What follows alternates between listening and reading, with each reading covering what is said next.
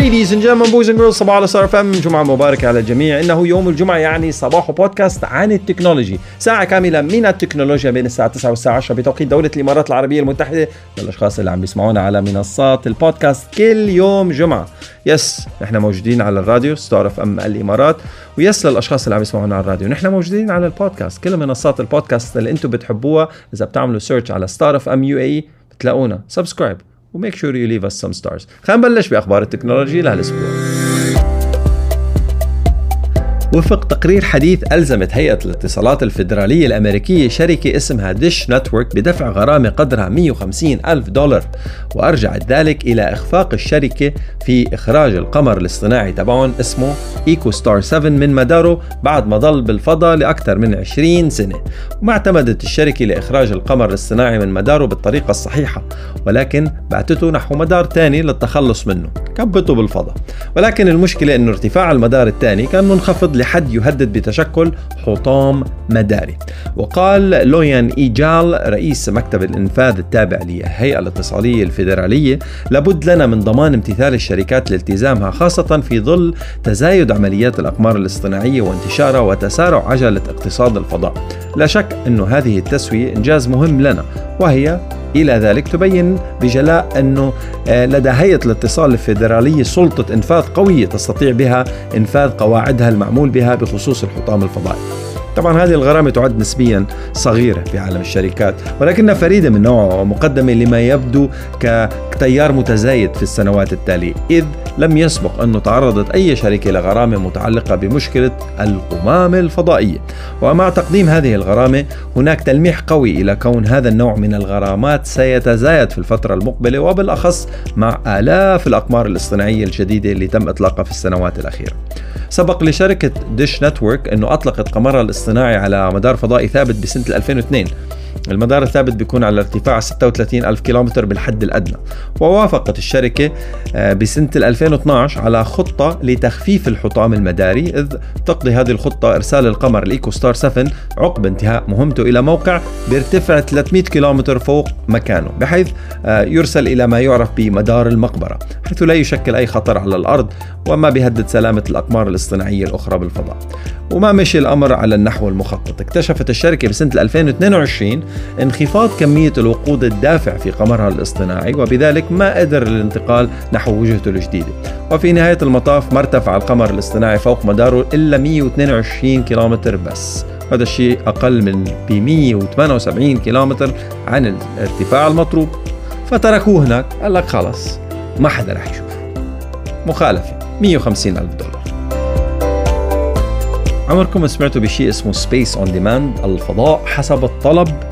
actually yes في خطوة نحو جعل استكشاف الفضاء في متناول الجميع عم تمر ناسا بتحول رقمي رح يعيد تشكيل كيفية تفاعل الجمهور مع ثروة الوكالة من المعلومات والمحتوى. بتضمن هذا التحول تجديد مواقعها الإلكترونية الرائدة والعالمية والمستخدمين صاروا فيون يوصلوا إلى الخدمة عبر مشغلات البث مثل Roku Apple TV Fire TV وكذلك عبر الويب آه وترقية تطبيق ناسا. آه الأسبوع المقبل رح تطلق وكالة ناسا خدمة ناسا Plus وهي خدمة بث خالي من الإعلانات ومجانية ومناسبة لجميع الأعمار. ورح تمنح هذه المنصة المستخدمين وصول غير مسبوق إلى التغطية المباشرة الحائزة على جائزة إيمي التابعة لناسا. ورؤى فريدة حول مهام الوكالة ورح تحتوي ناسا Plus على مجموعة متنوعة من ال videos الأصلية. بما في ذلك الإصدارات الجديدة هذا الشيء بيوفر للمشاهدين تجربة ولا أروع من هيك المفروض للأشخاص المهتمين بعلم الفضاء and or كل شيء له علاقة بالفضاء. حول هذا الشيء قال المدير المساعد في مقر ناسا التزام الوكالة بتوفير الفضاء حسب الطلب space on demand وجعله في متناول الجميع رح تكون الخدمة البث متاحة على منصات مختلفة بما في ذلك الأجهزة المحمولة اللي بتشتغل بال iOS وال Android ومشغلات الوسائط المتدفقة ال streaming platforms مثل ما قلنا Roku Apple TV ومتصفحات الويب كلياتها لسطح المكتب والهاتف المتحرك. wow! الواتساب بلش يطلب من بعض المستخدمين اللي بيستخدموا الاصدار التجريبي منه التحقق من حساباتهم باستخدام رسائل بريد إلكتروني شخصية. yes إيميلات. ويبدو إنه الطرح محدود لهذه الميزة على الرغم من إنه عدد قليل فقط من المستخدمين مستخدمي الإصدار التجريبي أبلغوا عنه. كان هناك تقارير من قبل بخصوص التحقق من البريد الإلكتروني مما يشير إلى أنه فريق الواتساب كان عم يشتغل على نظام التحقق من البريد منذ أغسطس الماضي. بتهدف الطريقة الجديدة للتحقق إضافة طبقة أخرى من الأمان على حسابات المستخدمين. رح يخلي الهاكينج أو اختراق الحسابات أمر شوي أكثر صعوبة. مش مستحيل ولكنه حبتين أصعب. على الرغم من أنه عملية الطرح محدودة جدا في الوقت الحالي إلا أنه من المتوقع أنه يوصل نظام التحقق إلى جميع المستخدمين في وقت قريب. أما بالنسبة لطريقة التحقق نفسها فعلى ما يبدو أنها عملية بسيطة ومباشرة. ما عليك سوى كتابة بريدك الإلكتروني وانتظار التحقق في صندوق ال inbox تبعك يا عن طريق link يا عن طريق verification code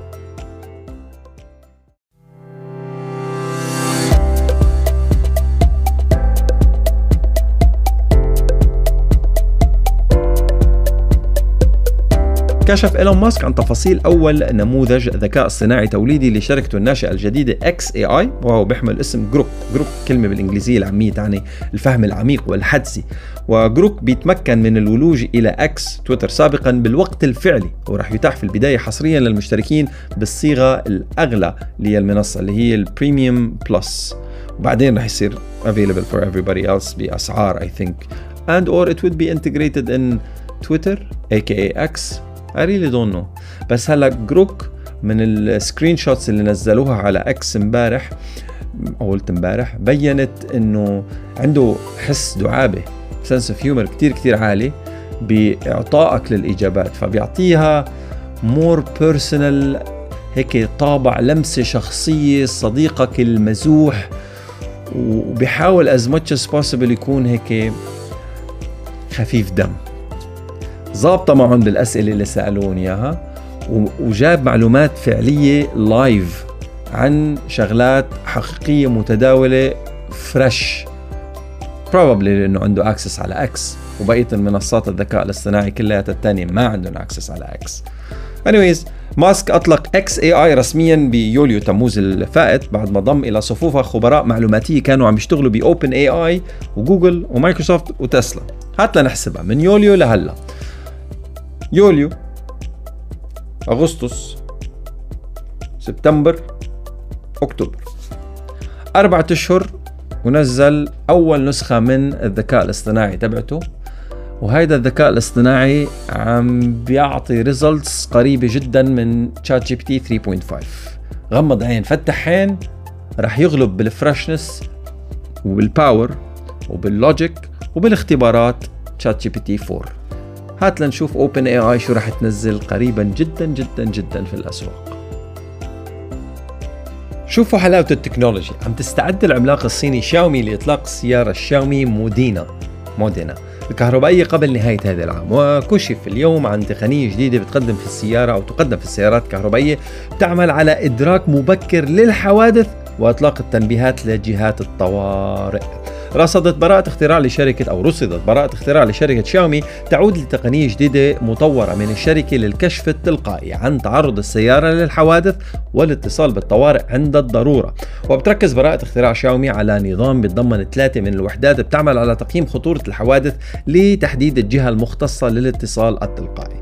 من المقرر أنه تعمل مثلا وحدة gate على جميع معلومات على جمع المعلومات عن حالة السيارة والأعطال اللي طرأت على السيارة مثل تعطل بطارية أو دائرة كهربائية أو فتح وسادة هوائية أو انفصالات انفصال الإطارات عن السيارة. كمان في وحدة ثانية اسمها determine تعمل على تصنيف الحادث ما بين level 1 و level 2 المستوى الأول والمستوى الثاني حيث يشير المستوى الأول إلى أضرار طفيفة بالسيارة بينما يشير المستوى الثاني إلى تصدع في الزجاج الأمامي أو تلف المصدات.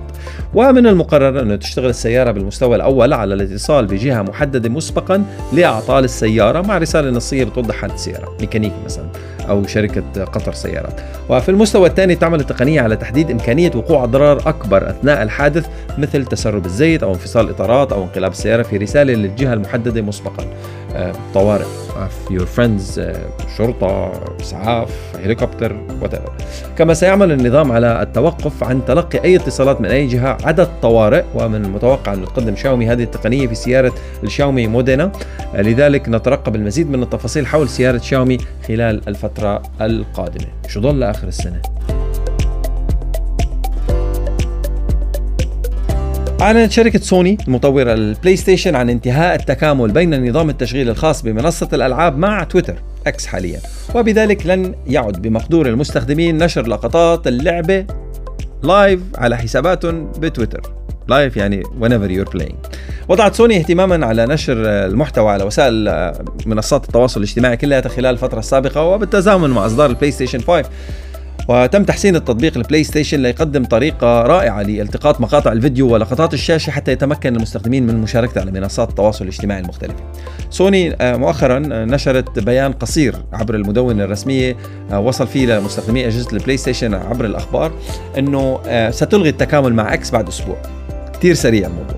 اعتبارا من 13 نوفمبر لن يعمل التكامل مع إكس المعروف سابقا باسم تويتر على أنظمة أجهزة ال PlayStation 4 و5 وما في تفصيل أكثر من هيك هو بس هالسطر الوحيد.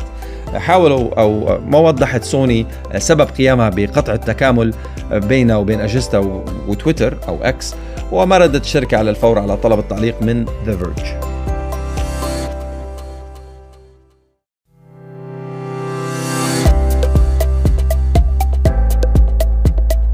كشفت شركة OpenAI للمطورين ل ChatGPT إنه عدد المستخدمين النشيطين لبرنامجها الثوري وصل ل 100 مليون مستخدم اسبوعيا وهذا الشيء بعد سنة واحدة بس من طرحه للمستخدمين بشكل عام.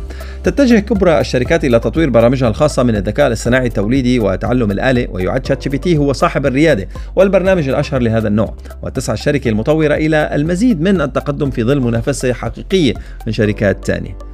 ولكنهم ما معتبرين إنه مايكروسوفت as competitor خلال مؤتمر صحفي عقدته OpenAI للمطورين أكدت الشركة إنه عدد المستخدمين النشطين وصل ل 100 مليون مستخدم اسبوعيا منذ إطلاق نموذج ChatGPT الأول و Whisperer أو Whisper عبر واجهة برمجيات التطبيقات الخاصة ال API بمارس الماضي. وأكد سام ألتمان الرئيس التنفيذي للشركة أيضا إنه في أكثر من 2 مليون مطور عم بيستفيدوا من واجهة التطبيقات الخاصة ب ChatGPT في تطوير تطبيقاتهم الخاصة والاستفادة من قدرات الذكاء الاصطناعي التوليدي في عدة نواحي بما في ذلك الدردشة والتصميم وبعض العمليات البرمجية المعقدة الأخرى.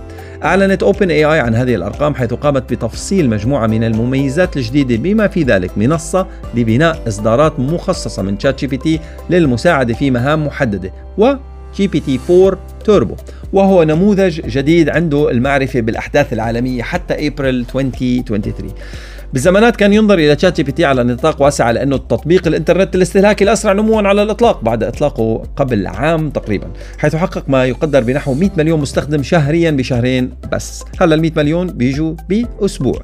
واللي كسر هذا الحاجز هو Bing عندهم 100 مليون مستخدم نشط يوميا. هذا الشيء وصلوا له بمارس.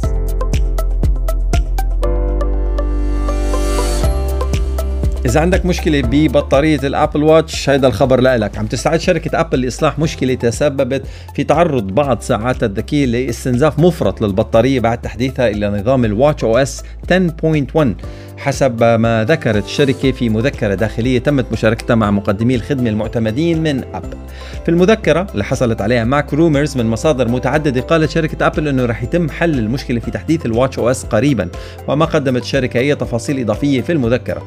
آه لذلك ليس من الواضح ما هو السبب الرئيسي للمشكلة. كان في شكاوي حول هذه المشكلة آه على منتديات ال MacRumors وعلى من آه ال forums تاعت الدعم بأبل Reddit أكس منذ إصدار ال watchOS 10.1 بأواخر شهر أكتوبر الماضي. ويبدو إنه المشكلة تؤثر على مجموعة متنوعة من ساعات ابل بدءا من الإصدارات القديمة مثل ال Apple Watch Series 5 إلى الإصدار الأحدث حتى ال Apple Watch Ultra 2 آه ذكرت ملاحظات إصدار مطور ابل لنظام ال iOS 17.1 إنه التحديث أصلح مشكلة احتمال حدوث زيادة في استهلاك الطاقة عند إقران ساعة ال Apple Watch اللي بتشتغل بنظام ال watchOS 10.1 مع جهاز الآيفون اللي بيشتغل مع ال iOS 17 ولكن من الواضح إنه مشكلة استنزاف البطارية لل Apple Watch ما تم إصلاحها بالكامل عشان هيك رح يكون في patch أو تحديث ضروري لل watchOS أفاد موقع MacRumors مؤخرا إنه شركة ابل عم تستعد لإصدار ال 17.1.1 لجهاز الآيفون ومن المحتمل إنه يتم إصلاح مشكلة استنزاف بطارية ال Apple Watch في تحديث ال 10.1.1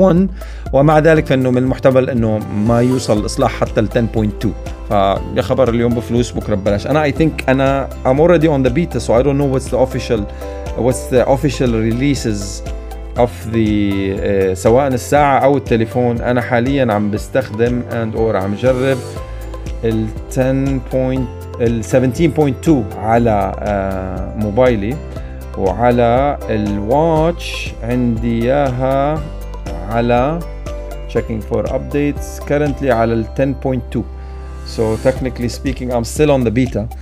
ساعتي ما عم تواجه أي مشاكل بنقصان فجائي بالبطارية. Probably لأنه حصلت على ال patch really don't know. فالمهم إذا عندك مشكلة بنقصان بطارية ال Apple Watch ابتداء من ال Series 5 لغاية ال Ultra 2 be patient الحل قريب جايك ب software عم تقدم شركة نينتندو نموذج جديد من جهاز الألعاب ال Nintendo Switch OLED. بمجموعة بتتميز بثيم لعبة ال Super Smash Bros Unlimited واللي بيظهر فيه وحدات التحكم في الألعاب الجانبية. كما بتقدم الشركة لعبة ال Super Smash Unlimited Super Smash Bros Unlimited كجزء من مجموعة هذا الإصدار. it's it's nice black و matte gray color حلوين. وبيجي package كامل مع Super Smash Bros Unlimited مع ثلاث شهور مجانية بخدمة الألعاب Nintendo Switch وراح تتوفر ابتداء من 19 نوفمبر من خلال ال website الرسمي لل Nintendo أو الشركاء المعتمدين أو ال official sales channels من مثل امازون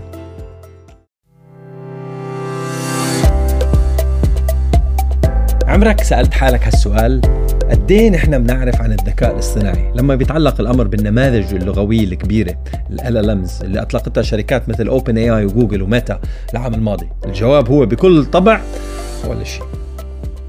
عم تحجم هذه الشركات عامة عن المشاركة بمعلومات عن البيانات اللي استخدمتها لتدريب نماذجها أو الأدوات اللي استخدمتها لتشغيلها. لا يوجد حتى اليوم دليل خاص بالمستخدم لأنظمة الذكاء الاصطناعي ولا لائحة بتوضح قدرات هذه الأنظمة أو حتى اختبارات السلامة اللي أجريت عليها. صحيح أنه بعض نماذج الذكاء الاصطناعي مفتوحة المصدر يعني الكود البرمجي تبعها أو الرمز البرمجي متوفر لعموم الجمهور ومجانا إلا أنه الناس ما بيعرفوا كثير عن عملية ابتكارها أو شو اللي بيصير بعد إطلاقها في هذا السياق أطلق باحثون من جامعة ستانفورد أخيرا نظام تقييم على أمل المساعدة في تغيير هذا الوضع. المشروع بيحمل اسم Foundation Model Transparency Index مؤشر شفافية نموذج الأساس. نموذج الأساس لمؤشر الشفافية. مهم. بيصنف عشر نماذج لغوية كبيرة مدعومة بالذكاء الاصطناعي تسمى أحيانا بنماذج الأساس بناء على درجة شفافيتها.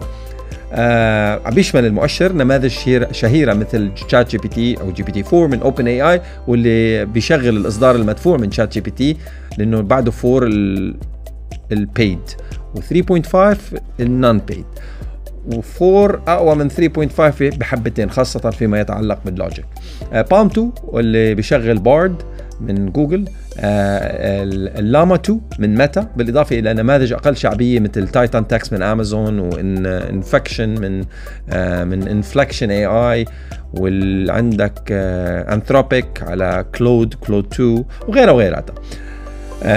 هيدا الشيء قيم الباحثون فيه كل نموذج وفقا ل 100 معيار ككشف آه، للشركة المنتجة عن مصادر البيانات التدريب ومعلومات عن الأدوات المستخدمة والعمالة التي شاركت في التدريب. إلى جانب تفاصيل أخرى وتضمنت التصنيفات كمان معلومات عن العمالة والبيانات المستخدمة لإنتاج النموذج نفسه. إلى جانب ما سماه الباحثون بمؤشرات مؤشرات المجريات ال downstream indicators المتعلقة بكيفية استخدام النموذج بعد إطلاقه. مثلا جاء أحد الأسئلة على الشكل التالي هل كشف المطور عن البروتوكولات اللي استخدمها لتخزين بيانات المستخدم والوصول إليها؟ ومشاركتها كلهم إجابتهم لا. وجد الباحثون بعد التصنيف اللي أجروه أنه النموذج الأكثر شفافية هو ال Llama 2 من ميتا بنسبة 54% لأنه ال Llama 2 is open source. بينما حقق ChatGPT أو GPT 4 و PaLM 2 ثالث أعلى رصيد بالشفافية ب 40% آه، مدير مركز أبحاث نماذج الأساس في ستانفورد قال آه، أو وصف مشروع التصنيف بالاستجابة الضرورية للشفافية المتردية في صناعة الذكاء الاصطناعي. وأضاف أنه تدفق الأموال للاستثمار في الذكاء الاصطناعي وتصارع كبريات الشركات التقنية للسيطرة على الصناعة دفع كثيرا منها أخيرا إلى إحاطة نفسها بالسرية التامة. قبل ثلاث سنين كانوا الناس بينشروا وبيشاركوا تفاصيل أكثر عن نماذجهم. أما اليوم فلا توجد معلومات حول طبيعة هذه النماذج وكيف طورت وأين تستخدم. ليش الشفافية؟ ما حدا بيعرف. ويضيف آه، الرئيس رئيس أو مدير مركز أبحاث النماذج بستانفورد أنه عندما يسأل المديرين التنفيذيين في شركات الذكاء الاصطناعي عن سبب عدم مشاركتهم لمزيد من المعلومات عن النماذج بيسمع ثلاث إجابات ما لهم رابع. أول شيء دعاوى قضائية خايفين منها. ثاني شيء competition ثالث شيء واللي هي أكثر استخداما السلامة safety ولكن باحثي ستانفورد ما بيصدقوا هذه التفسيرات وبيعتقدوا إنه شركات الذكاء الاصطناعي يجب أن تخضع لضغوطات للكشف عن المعلومات الكافية التي توضح قوة نماذجها لأنه المستخدمين والباحثين وواضعي القوانين يجب انه يكونوا على دراية بكيفية عمل هذه النماذج ومحدوديتها وبدرجة الخطر التي قد تترتب عليه. هم. أنتم برأيكم لازم العالم تعرف أسرار الذكاء الاصطناعي وكيف تبرمج ووين تم تدريبه وشو أقصى قوة ممكن يعملها ويكون هيدي المعلومات بابليك بدك تشتري تويتر username بسعر فلكي صراحة. خمسين ألف دولار. يا. 50 ألف دولار حق username من أسامي تويتر and or X عم تحاول منصة X العثور على مشترين لأسماء المستخدمين اللي استعادتهم من الحسابات غير النشطة لدرجة أنه قامت إلى حد بإرسال رسائل بريد إلكتروني تطلب رسوم ثابتة قدرها 50 ألف دولار لبدء عملية الشراء وفقا لما ذكرته مجلة فوربس وأعلن إيلون ماسك بشهر مايو أنه أكس رح تبدأ بتطهير الحسابات الخاملة ولمح إلى خطط لإعادة تدوير أسماء المستخدمين المهجورة. وفقا لرسائل البريد الإلكتروني واللي طلعت عليها مجلة فوربس أصبح لدى أكس فريق عمل يسمى ال handle team واللي بيشتغل على إنشاء سوق لشراء أسماء المستخدم المرتبطة بالحسابات غير النشطة. إكس غيرت سياستها هذا العام لتنص على أنه يجب على المستخدم تسجيل الدخول كل 30 يوم ليضلوا نشيطين وقد يتم تعليق حساباتهم أو إزالتها نهائيا إذا استمروا لفترة كافية من دون تسجيل الدخول. مش من الواضح كم هو الوقت اللي يجب انه يضل المستخدم فيه غير نشط حتى يتم إزالة حسابه فعليا من المنصة ولكن دير بالك. تدفع 50 ألف دولار حق username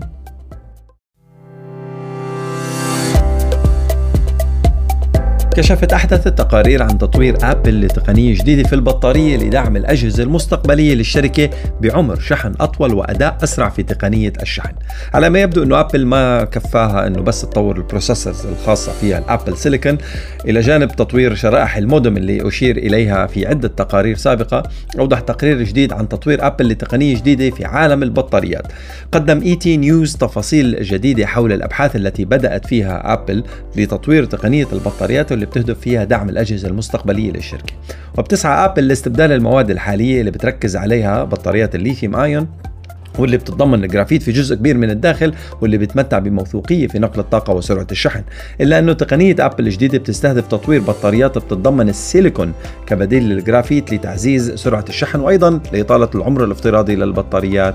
والأجهزة. واجهت تقنية السيليكون في البطاريات مشكلة تمديد طبقة السيليكون أو تمددها عند الشحن إلا أنه أحدث التقارير تشير إلى أنه أبل استطاعت معالجة هذه المشكلة المشكلة استعدادا للانتقال للمرحلة الجديدة في عملية تطوير البطاريات مع توقعات أنه تظهر البطاريات للمرة الأولى بسنة 2025 هدول rumors بس إذا صارت سمعتوها first على ستار FM بدأت شركة جوجل مع عدد من الشركات الثانية من مزودي الخدمة في السعي للاستفادة من لوائح الاتحاد الأوروبي لدفع شركة أبل للتراجع عن القيود اللي وضعتها على منصة ال iMessage وعم تدفع لوائح الاتحاد الأوروبي شركة أبل لتغيير استراتيجيتها في تفضيل تطبيقات الشركة أو وضع قيود على متجر التطبيقات.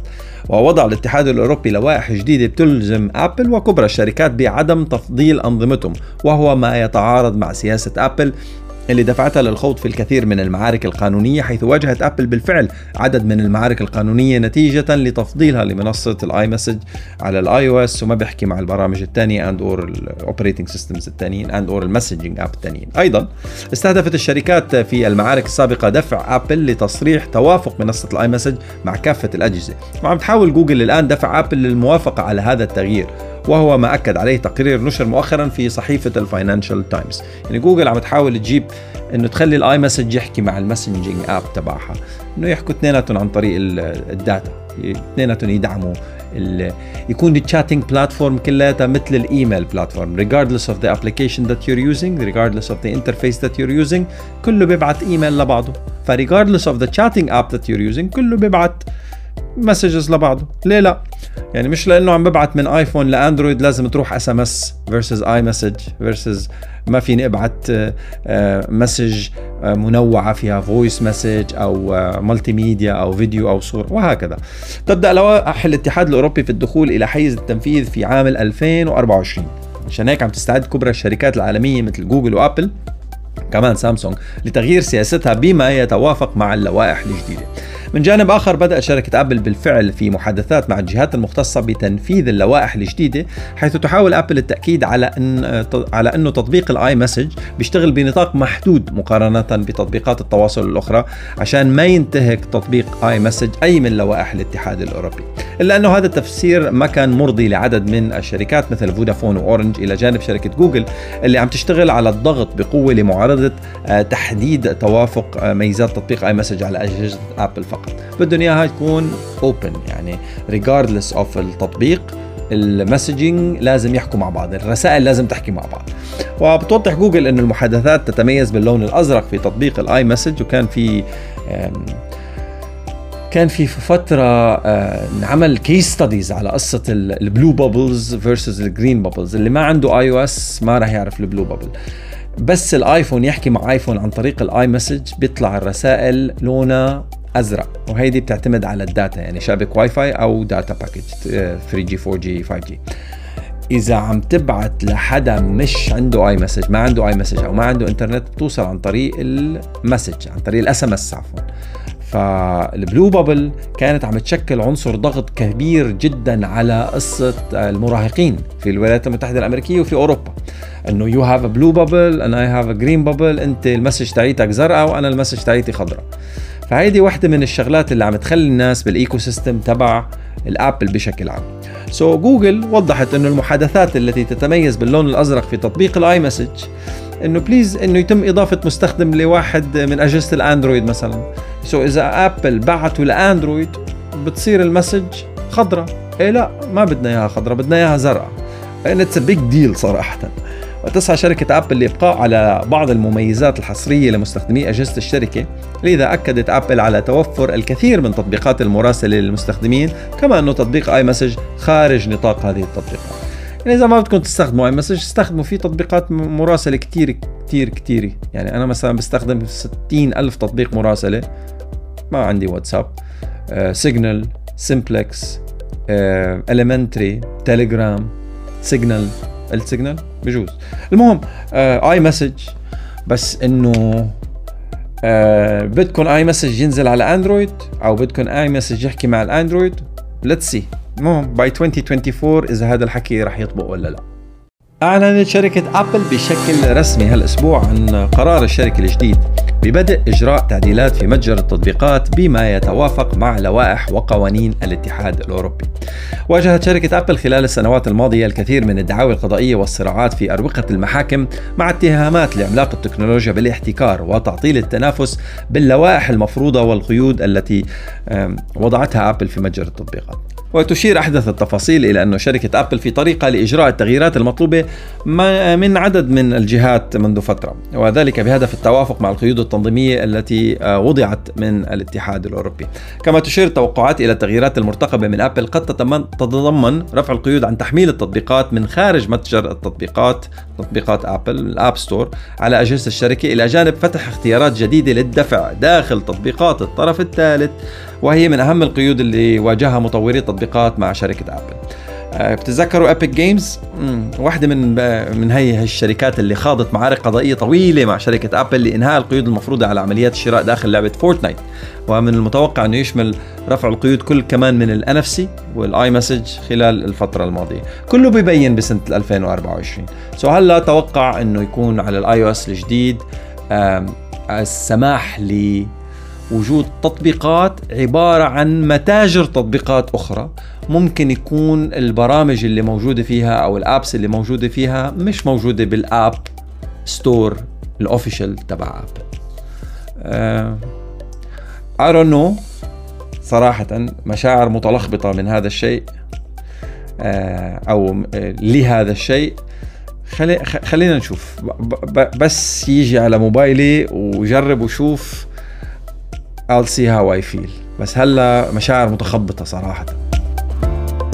قررت ابل التوقف بشكل مؤقت عن تطوير تحديثات ال iOS 18 macOS 15 watchOS 11 tvOS 18 بهدف العمل على تصحيح الأخطاء اللي رصدت في أنظمة التشغيل مؤخرا. بدأت شركة أبل منذ فترة في العمل على تطوير الإصدارات الجديدة من أنظمة التشغيل المخصصة للتليفونات، الآيبادات، الماكات، الساعات والتلفزيونات ال Apple TV.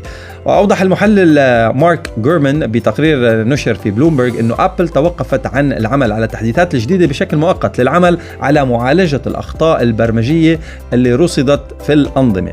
واخطرت أبل الموظفين بالتوقف عن العمل في عملية تطوير تحديث الأنظمة خلال الأسبوع الماضي، كما نوهت على ضرورة التركيز على إصلاح الأخطاء والعيوب التي رصدت في الأنظمة بهدف تعزيز الأداء. بدأت شركة Realme في الاستعداد لإطلاق هاتف ال Realme GT 5 Pro واللي شغل عدد من التسريبات مؤخرا. وقدمت أحدث الإعلانات التشويقية مزيد من التفاصيل حول مميزات هذا الإصدار. أكد الإعلان التشويقي الجديد أنه هاتف ال Realme GT 5 Pro جاي بمعالج Snapdragon 8 Gen 3 الجديد من كوالكوم بينما كشف إعلان تشويقي ثاني أنه الشاشة رح تدعم نسبة سطوع بتوصل ل 3000 nit. إيه سمعتها صح 3000 nit. هي لمبة هي مش موبايل. كما أشار المتحدث من Realme إلى أن الشاشة شاشة هذا الإصدار رح تكون الأعلى في نسبة السطوع بفضل الترقيات المقدمة في هذا الإصدار. عم تقدم BOE الشاشة لهاتف Realme GT 5 Pro حيث أعلنت الشركة بالفعل مؤخرا عن لوحات جديدة للشاشة تتميز بنسبة سطوع 3000 nit واللي طورت بالتعاون مع أوبو و OnePlus لدعم الإصدارات الجديدة من الهواتف الذكية. بس جد 3000 nit على شاشة على سطوع شاشة مش كتير؟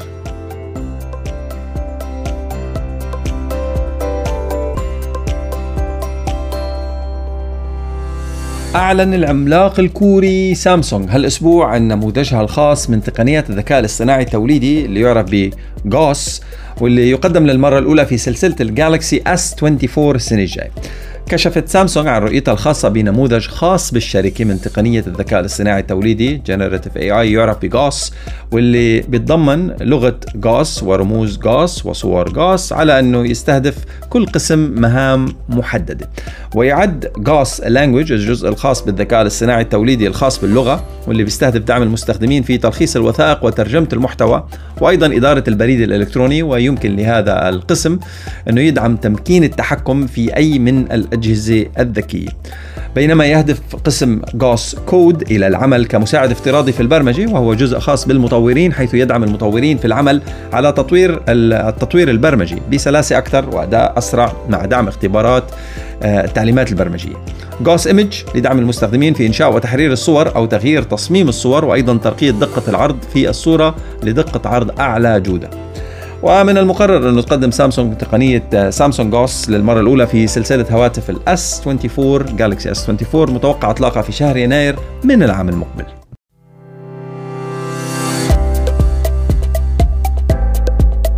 أطلقت شركة شاومي الصينية رسميا القفل الذكي قفل البيبان الذكي شاومي سمارت دور لوك 2 بيعتمد قفل الباب الذكي شاومي 2 تصميم تم تطويره حديثا مع قفل أوتوماتيكي بالكامل يتميز بخصائص تقليل الضوضاء. وقد تم تطوير التقنية بالكامل بواسطة شاومي.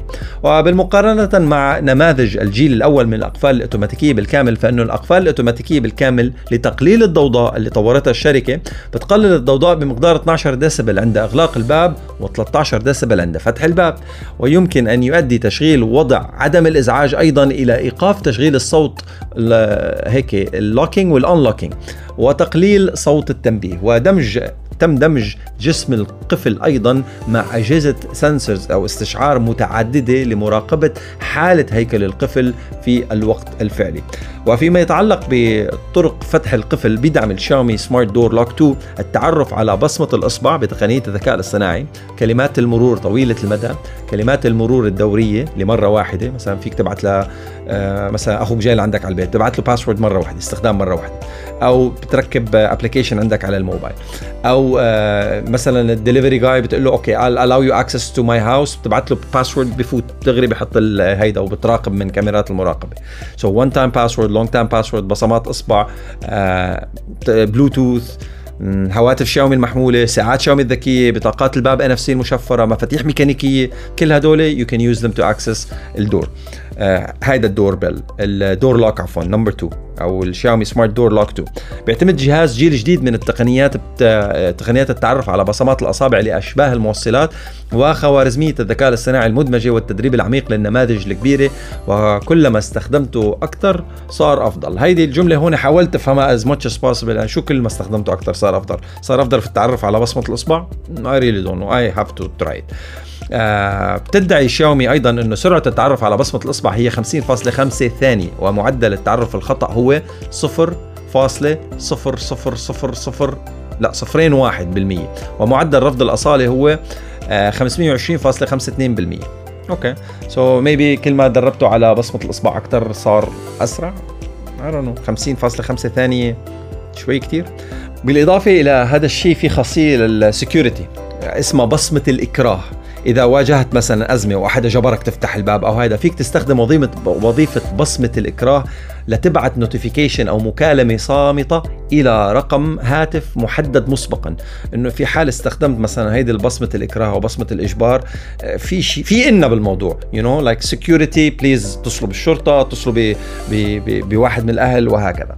علاوة إلى ذلك تم تجهيز الشاومي Smart Door Lock 2 بشريحة الأمان من ميا أو ميجيا واللي بتتيح للمستخدمين تخزين البيانات الخاصة مثل بصمات الأصابع كلمات المرور في شكل مشفر محليا locally وبهذه الطريقة لا يمكن قراءة البيانات أو فك تشفيرها خارجيا. الباب أو قفل الباب بيدعم بروتوكولات ال Wi-Fi وال Bluetooth المزدوجة double ويمكن عرض إشعارات إنذار قفل الباب وسجلات التشغيل عن بعد من خلال تطبيق الميجيا أو ميجيا من دون استخدام جهاز البوابة البلوتوث مش beautiful ولكن قصه قصة قفوله البيبان خاصة فيما يتعلق بال security أنا عندي معها هيك نوع من الترقب أو الحساسية أو أو, أو القلق نوعا ما. لأنه اتس هاكبل ذاتس وان مش هاكبل بسهولة. تو لازم يكون في إصدارات أمنية لفترات. هيدي الفترات مبهمة أو غير معروفة. وإذا توقف القفل الباب عن تلقي الأمنية سوفت وير ابديتس هل هذا يعني إنه قفل الباب قد يكون متعرض أو عرضة للقرصنة. إلى متى ستدعم شركات آه، قفولة البيبان ال software update تاعت قفولة البيبان خاصة انه it has also Wi-Fi access و Bluetooth access. ف I really don't know. It's a it's a very interesting domain to be فيه. It's a very smart smart اللي اللي بالبيت شيء جميل جدا. ولكن تخيل مثلا تقرصن بيتك من وراء باب ثلاجتك لأنه ثلاجتك ما عملت لها soft security software update معقولة بهال complication إيه بتصير بهال complication فقضية ال security الأمنية تاعت البيت آه، بتعتمد على المستخدم في المقام الأول وعلى الشركات اللي بتتعامل معها. قد إيه بتدعم منتجاتها بتحديثات أمنية لهذه المنتجات وقد إيه فترات الدعم تاعيتها. ف it's a very sensitive topic إن شاء الله بلكي على صباحه we'll cover it one day لنحكي عن ال ال devices وال smart devices وال updates تاعولها مثلا smart TVs إمتى آخر مرة التلفزيون تبعك عمل update أو أنت جايب smart TV من 20 سنة مثلا. طيب الشركة بطلت تعمل له دعم security طيب هذا التلفزيون it is connected لل Wi-Fi تبع البيت. وكل ال devices تاعون البيت are connected هذا ممكن يشكل أو يكون الحلقة الأضعف لل network تاعت البيت. أنا ما عم خوف من من من كل الشغلات الموجودة هناك ولكن المفروض الواحد يواكب مستجدات ال security patches لل devices الذكية اللي موجودة عنده بالبيت. ولا لا؟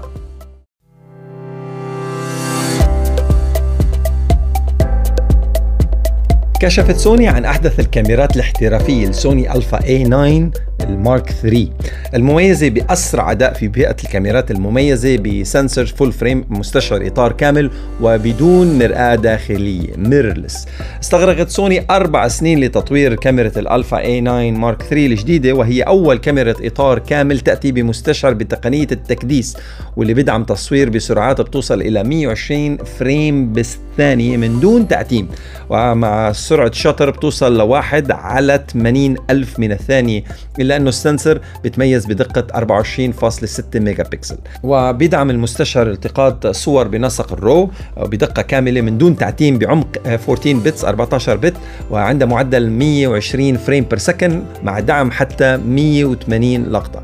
كمان تيجي كاميرا ال Alpha A9 3 بمعالج BIONZ XR وأيضا الكشف عن البعد البؤري للتركيز البؤري التلقائي بأعلى كثافة. وسوني بتأكد إنه هاي الكاميرا بتيجي بتقنية الذكاء الاصطناعي لدعم التركيز التلقائي السريع وإدراك موضوع التصوير في الوقت الفعلي بأعلى دقة. يعني بتعرف إنه هيدي portrait shot ولا architecture shot ولا natural shot بسرعة صاروخية. بتعرف تركز على ال subject اللي أنت بدك تركز عليه. very interesting كاميرا احترافية من الطراز الأول. are you team سوني ولا كانون ولا نايكون هدول هن ثلاثة ال major players أعتقد بعالم التصوير ال mirrorless هلا في كاميرات تانية ولكن من هدول الثلاثة أي وحده بتختاروا؟ تواصلوا معنا من خلال رقم الواتساب Signal Telegram على 054 307 8 555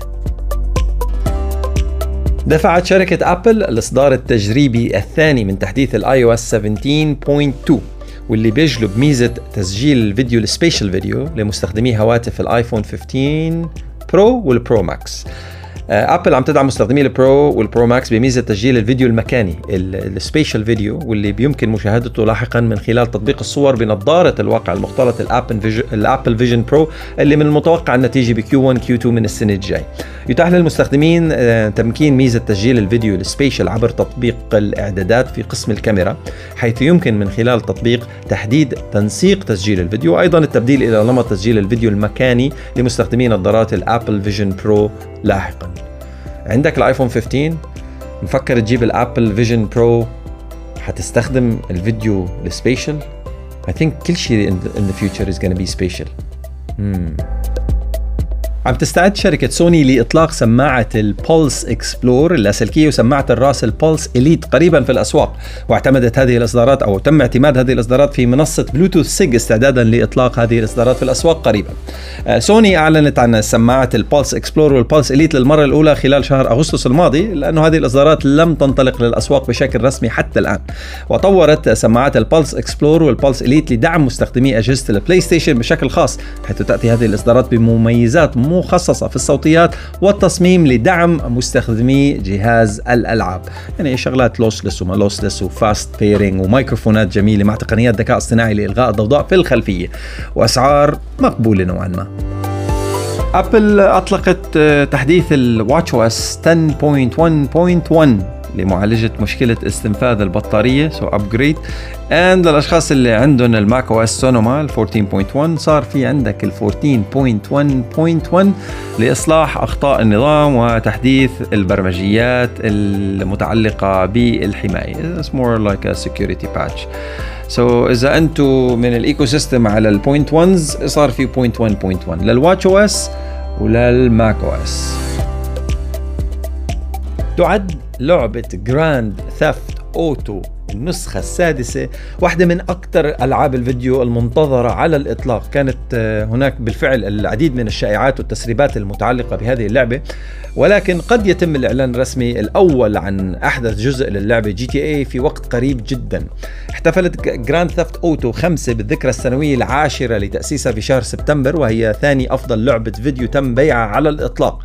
ولكن على الرغم من مرور عشر سنين لا توجد حتى الآن أي كلمة رسمية بشأن الجزء الثاني المرتقب. وفقا لتقرير بلومبرج من الممكن أنه يتم الإعلان عن GTA 6 أو تاكيدها في وقت لاحق من هذا الأسبوع. وإذا كان هذا الكلام صحيح فمن الممكن انه تقوم Rockstar Games أيضا بإصدار عنوان جزء ل GTA 6 في الذكرى السنوية ال 25 للاستوديو أي في شهر ديسمبر. بمعنى آخر من المقرر انه يتم الإعلان الأول في وقت لاحق من هذا الأسبوع بينما سيتم إصدار العرض الأول في وقت ما من الشهر المقبل. ننطر. يا خبر اليوم بفلوس بكرة ببلاش. you GTA fan تواصلوا معنا من خلال رقم الواتساب على 054 307 8 555